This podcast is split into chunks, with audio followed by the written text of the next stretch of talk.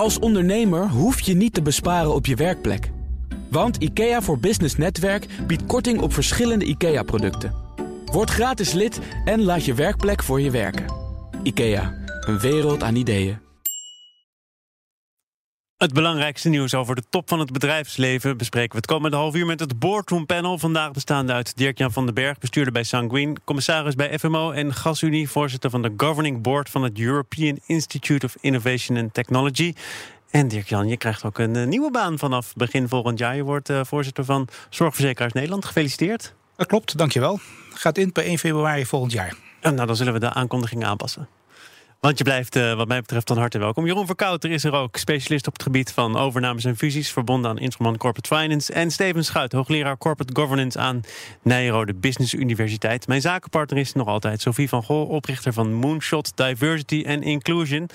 Laten we het hebben over corporate governance, of governance. Want ABN AMRO uh, was vandaag in het nieuws. De bank wordt ervan verdacht, uh, in ieder geval niet op tijd te melden... Of er sprake is van ongebruikelijke transacties... en daar niet voldoende actie aan te koppelen.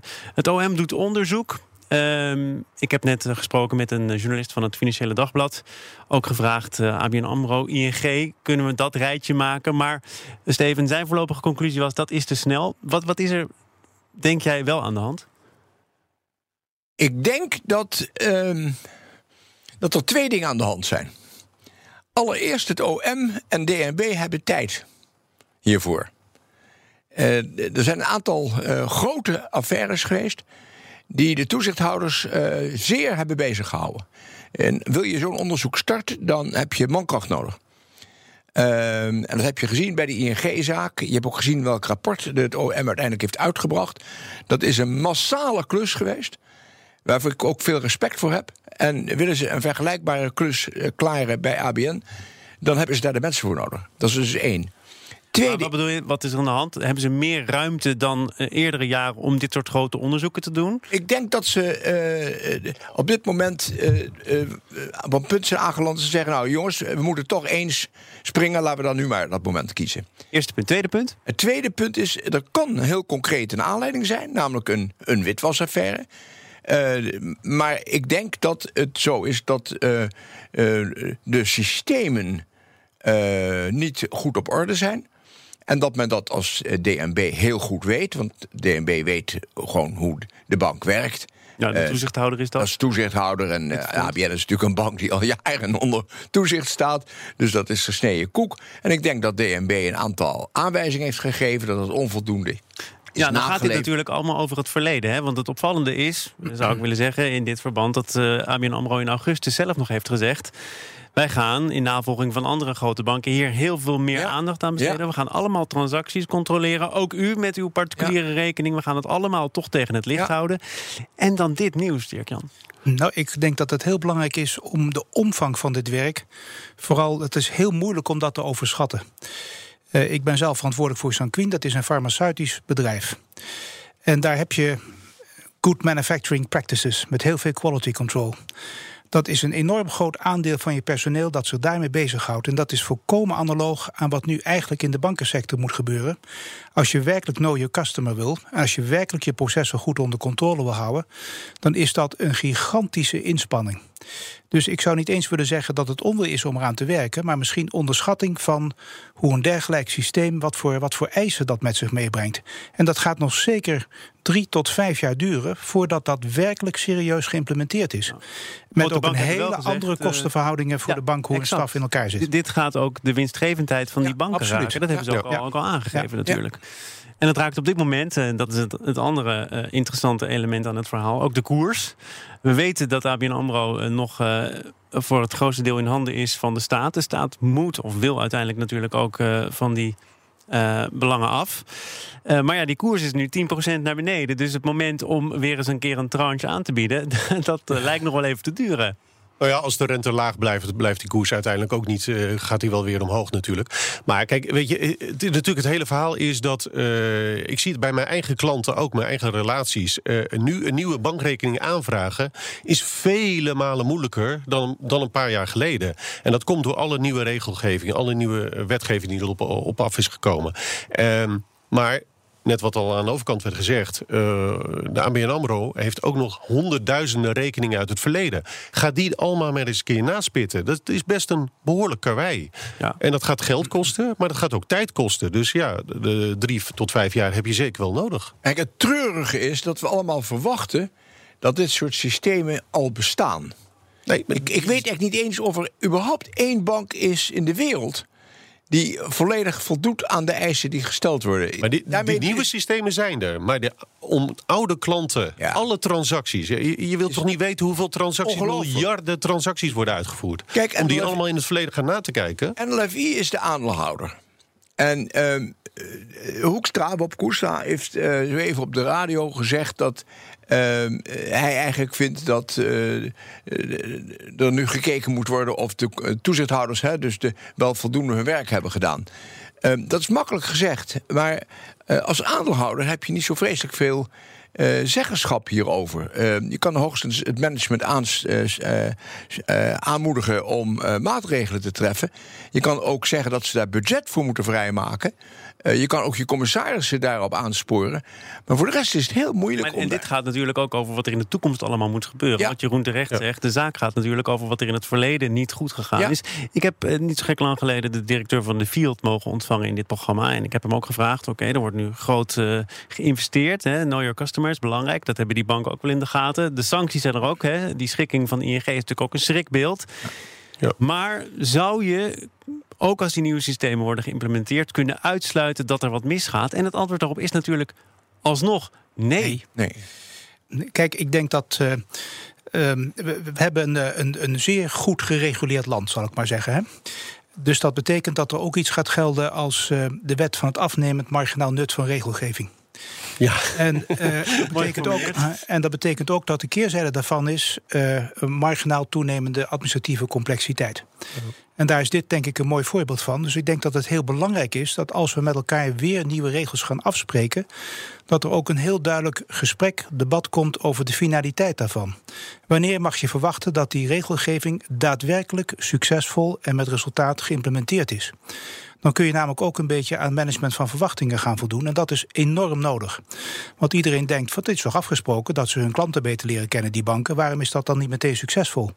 Nou, precies om de reden die ik net heb proberen te schetsen.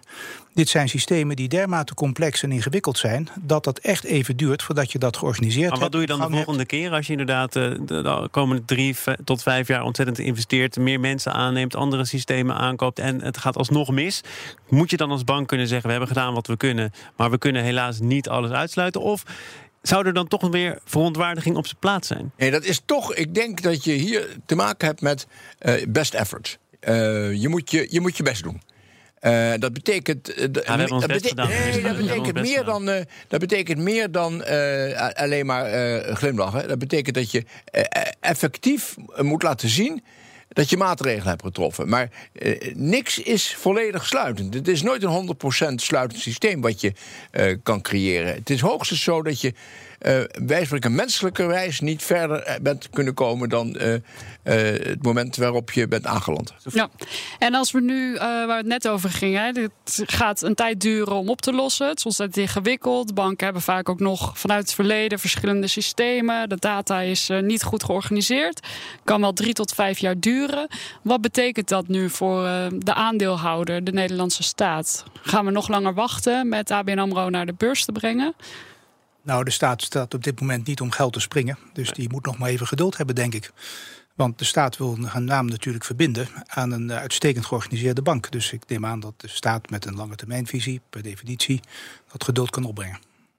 Uh, ABN AMRO in zwaar weer. Dat geldt zeker ook, uh, toch nog even kort bespreken. Uh, ander belangrijk nieuws van deze week. Thomas Cook, daar geldt het ook voor. dat is namelijk failliet gegaan. Voor heel veel mensen kwam het als een verrassing. Maar ik moet ook zeggen, ik kwam een, een quote tegen van de president-commissaris... die aantrad in 2011. En toen zei hij al, dit bedrijf moet naar de intensive care. Als je dat ook nog even in je beschouwingen meeneemt... is het dan zo verrassend dat het met Thomas Cook verkeerd is afgelopen? Ja, als je, als je dat uh, in ogenschouw neemt, niet natuurlijk. Maar kijk, weet je, uh, in elke markt uh, is onderhevig aan veranderingen. En als je als bedrijf niet meegaat in die veranderingen... en tour operating is zo'n markt waar veranderingen... de afgelopen jaren hebben plaatsgevonden... en die ook nog overigens door de waan van de dag worden geregeerd. zeg maar, crisissen, op het moment dat mensen niet meer op vakantie gaan... als een bomaanslag weer ergens wordt gepleegd, dan zie je dat Brexit. gelijk... Ja, Brexit. Het zijn allemaal voorbeelden waar mensen gelijk zeggen van ja, ik ga niet op vakantie of ik ga anders op vakantie, et cetera. En dat soort zaken kan je niet altijd uh, uh, goed uh, inschatten. Maar wat, wat zegt het als je uiteindelijk, begrijp ik, omvalt omdat die Brexit natuurlijk roet in het eten gooit. Maar ook omdat het vorig jaar zomer zulk mooi weer was, waardoor mensen dachten we gaan niet meer op vakantie, want we doen het thuis wel. Dan zit er iets fundamenteels natuurlijk niet goed. Ik vind dat een kletsverhaal, om je te vertellen. Uh, Hetzelfde verhaal wat uh, in de retail steeds wordt gezegd, in de mode. In de mode. Ja. Kijk, kijk, ik kijk nu allereerst even naar de accountants. De externe accountants. Dat wordt vaker gedaan. Ja, dat, zijn, ook wel dat zijn twee grote bureaus die uh, dit jaar een, een winstwaarschuwing hebben gegeven. Een continuïteitswaarschuwing. Maar in voorgaande jaren was dat niet zo. Uh, dit uh, onderwerp van de instabiliteit van deze onderneming is voor al jaren aan de gang. Omdat ze een paar hele grote overnamen hebben gedaan. En zich daar zwaar voor in de schulden hebben gezet. Het bedrijf is door die schuldenlast. naar ik begrijp uit de Financial Times. eigenlijk failliet gegaan. Ehm, dat zie je aankomen. Die schuldenlast niet van de laatste weken, dat zie je aankomen. En dat is dus niet naar buiten gekomen. En dit is de zoveelste keer dat in Engeland de accountants uh, daar ja, in het beklaagde bankje staan. En nu kom ik even aan de volgende stap. Dat terwijl juist nu, dit jaar in Engeland, over het lot van de accountantskantoren ja. moet worden beslist. Ja, klopt. Dus dit kan wel eens de, uh, de balans doen doorslaan naar uh, het uiteindelijke oordeel dat de, de accountants moeten worden opgesplitst. En dat onderwerp dat staat natuurlijk bij iedereen hoog op de agenda. Het is natuurlijk wel zo dat als je overnames doet, je verwacht dat je uh, door middel van die overname de rente en aflossingen van die schulden wel kan betalen. Hier komt dus de specialist in jou naar boven. Nee, maar goed, ja, het, is wel, het is natuurlijk wel zo dat dat van tevoren, daar gaat het management, de aandeelhouders gaan daar wel van uit. Ja. En het feit dus, het simpele feit dat die overnames hebben plaatsgevonden, wil niet zeggen dat het bedrijf dan vervolgens failliet gaat. Ik kan hoogstens zeggen dat ja, uh, verkeerde uh, beslissingen aan de grondslag liggen, maar ook ontwikkelingen, zoals inderdaad brexit, dat soort zaken. En gewoon simpelweg de verkeerde beslissingen aan de top. Die hebben ook een gevolg. En we gaan het hebben over een paar Duitsers in de problemen. Onder andere Herbert Dies. Die is pas sinds april 2018 de CEO van Volkswagen. Maar wordt nu toch ook al op de hielen gezeten door de openbaar aanklager. Hetzelfde geldt voor president-commissaris Hans-Dieter Putsch. Die moet vrezen, want ze zouden zich hebben schuldig gemaakt aan marktmanipulatie. Het gaat uh, nog altijd zou ik bijna willen zeggen inmiddels, over het uh, dieselschandaal. Dat werd vier jaar geleden ontdekt. En de vraag is, wanneer waren zij daarvan op de hoogte? En hadden ze anderen daarover moeten informeren? Het is 2019, dat schandaal komt uit 2015. Er zijn boetes uitgedeeld. Het heeft Volkswagen inmiddels volgens mij meer dan 30 miljard gekost. En je komt daar dus kennelijk niet van af. Ik wil niet per se zeggen dat Volkswagen medelijden verdient. Maar, maar hadden we kunnen voorzien, Steven, dat dit echt ook een verhaal van de lange adem uh, zou worden? Ja. Uh, en en uh, ik kan je zeggen uit de grond van mijn hart. ben blij dat ze behoorlijk aan de uh, paal worden genageld. want, maar waarom is dit echt een, een, overtuiging? Nou, omdat ik eigenlijk vind dat hier sprake is van een zeer ernstige inbreuk op het vertrouwen. Wat je mag hebben in producenten van auto's. wat toch op zichzelf. een, een, belangrijk product is wat wij bijna elk huishouden over beschikt.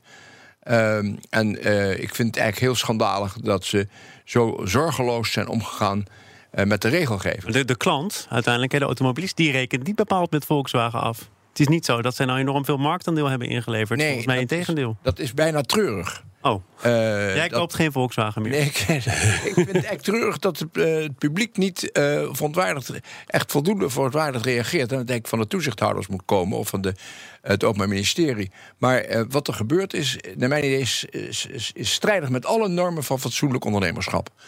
de, de vraag of er sprake is van misbruik van voorwetenschap. En of er sprake is van marktmanipulatie, vind ik buitengewoon lastig te bespreken hier. Omdat ik daarvoor veel meer feiten moet hebben. Um, allereerst is zo dat koersmanipulatie een, uh, sowieso een heel technisch onderwerp is. Maar bovendien, ehm, eh, die manipulatie zou dan moeten plaats hebben gevonden eh, jaren geleden. Eh, dat er een aantal van de mensen die nu worden eh, eh, de- daarvoor eh, eh, aansprakelijk gesteld, eh, die nog recent benoemd zijn. Dus eh, Nou, op die positie, hè? Ja, op die positie, ja, De, grote zo- man van Volkswagen had ook al een eh, voorname functie in de tijd dat het speelde. Maar de vraag is of, ze, of hij toen de verantwoordelijke man was om daarover eh, naar buiten eh, eh, mededelingen te doen. Ja. Eh, want dat doe je dan toch als onderneming en niet als individu. Nog even afgezien van of we wel of geen Volkswagen moeten rijden. Maar, maar hoe sta jij in die discussie? Ik denk dat het eh, duidelijke en strenge oordeel eh, wat hier net geveld is, terecht is. Maar ik denk ook, om een wat andere gezienswijze naar binnen te werpen, dat het toch belangrijk is dat er ook een keer een streep wordt getrokken over dit geheel. Eh, het bedrijf is zwaar bestraft, eh, heeft ontzettend veel geld gekost. De reputatieschade is enorm. En tegelijkertijd hebben we met name de Duitse auto-industrie toch nodig bij andere belangrijke onderwerpen, zoals de energietransitie en de overgang naar het elektrisch rijden. En ik vind dat die, stre- die streep een keer getrokken moet worden. Niet om individuen te beschermen tegen rechtsvervolging.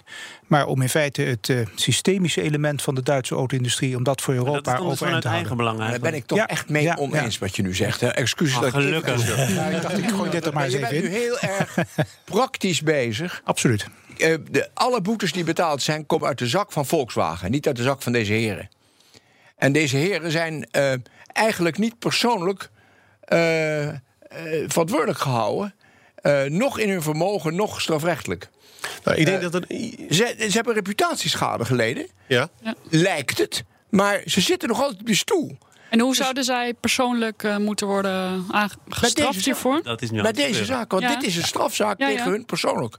Ja, en ik, ik, ik, ik ben, ik, in de loop van de laatste paar jaar ben ik er in toenemende mate toch gaan geloven in het feit dat we ook mensen moeten aanpakken en niet alleen maar ondernemingen. Meestal worden mensen wat milder. maar eh, hier is sprake van het tegendeel. Ik ga je over een soort top ik, denk, ik denk dat hier ook wel wat anders aan de, aan de hand is. Kijk, eh, degene die nu wordt aangeklaagd, eh, of hij nou wel of niet wist toen de tijd, maar het is over een affaire van zijn voorganger. En wat nu wel speelt, en dat Die is. de oud-topman, ik- die komt Ja. ook Ja. gewoon Ja, in het bankje terecht. Ja, ja, klopt. Ja, ja. Maar het gaat ook de nieuwe topman. Ja. Daar gaat het ook om. En die op dat moment niet de verantwoordelijkheid droeg. En dat is iets wat in de politi- politiek al veel langer wordt gedaan. Ja. Dat de minister is verantwoordelijk voor wat zijn voorganger gedaan heeft. Nu wordt dat ook toegepast in, eh, eh, in de auto-industrie of überhaupt in het bedrijfsleven. En ja, dat is dan wel een zaak waar mensen, en zeker CEO's en eh, verantwoordelijke mensen binnen een organisatie, wel drie keer moeten nadenken voordat ze zo'n positie aanvaarden. Ik vind dat wel Maar wacht, eigenlijk heel, wel heel even, want Ja, ja, ja, als we dan toch gaan over Volkswagen... deze man die werkte al voor Volkswagen... Die wist natuurlijk allemaal wel wat er speelde. Die Oh wist dat, ook dat in zeg 2000... jij, maar dat, dat, weten we niet. Nou, dat wordt wel gesuggereerd omdat hij al een eh, belangrijke positie had binnen Volkswagen. En hij Ja. heeft deze positie in 2018 dus als CEO geaccepteerd. Je weet op dat moment toch nog dat deze kwestie niet helemaal is afgehandeld. Dus je weet ook dat je het risico loopt. Er zijn overigens ook analisten die zeggen... dit wordt een heel langdurig proces, maar zij komen er sterker uit. Nou ja, goed, het feit dat hij dan wist dat hij dat risico liep en dan toch die positie aannam, ja, dat, ja, dat geeft al aan dat het voor hem ook wel een, een zaak is om eh, eh, heel goed na te denken de volgende keer als je zoiets doet. Ook voor andere bedrijven. Hè. Dus blijkbaar ben je ook als CEO verantwoordelijk voor de beslissingen die je voorganger heeft genomen. Worden hier nu politieke principes losgelaten op de top van het bedrijfsleven? Klopt die analyse dus wel? Ik denk het niet. Oh. Ehm, ik denk, Steven, wat leuk dat je er bent. Nee, ik denk het niet. Eh, ik, ik, ken het strafrecht. Dat moet ik goed onderscheiden. Wanneer er sprake is van boetes, dan kan dat zijn een boete aan de onderneming. Maar als er sprake is in het strafrecht van een persoonlijke vervolging, dan kan je daar niet voor, eh, eh, laat ik zeggen, gestraft worden. als je niet ook een, een, dader bent. Eh, en, en dat loopt dus niet via het zogenaamde functionele daderschap. Want het feit dat je CEO bent op zich betekent niet dat je dader bent. Je moet wel Maar op het moment wordt- dat de daad gepleegd Maar is. hij wordt wel aangeklaagd. Dus hij zou dan in zijn vorige positie weet, dader zijn geweest. wordt als Dat persoon- ja, dat- als dat- persoon wordt dat, hij is het verhaal. Dat is precies wat, wat Thomas zegt. Eh, Ja, maar goed. eh, eh, een paar van deze heren waren toen ter tijd eh, eindverantwoordelijk eh, voor, voor Volkswagen. Hij was volgens mij directeur van het merk Volkswagen en niet CEO van de groep. Ja. Ja, oké. Dat is een serieuze baan. Die hebben jullie allemaal trouwens. Nieuwe, oude banen. Ik ga jullie eh, bedanken, denk ik. Want jullie worden het in de, in de 45 seconden die ons nog resten misschien niet over alles eens. Of wil jij graag de rol van mediator op je nemen? Ik blijf volhouden. De Duitse auto-industrie is belangrijk voor de energietransitie. Is gezegd. En Volkswagen gaat zich ook uh, wel of geen uh, zaken volledig richten op elektrische meen ik. Dus die hebben dat begrepen. Een kleine update maakt een wereld van verschil. Daarom biedt IKEA voor Business Netwerk gratis snelle interieurtips en ideeën. Word gratis lid en laat je werkplek voor je werken. IKEA, een wereld aan ideeën.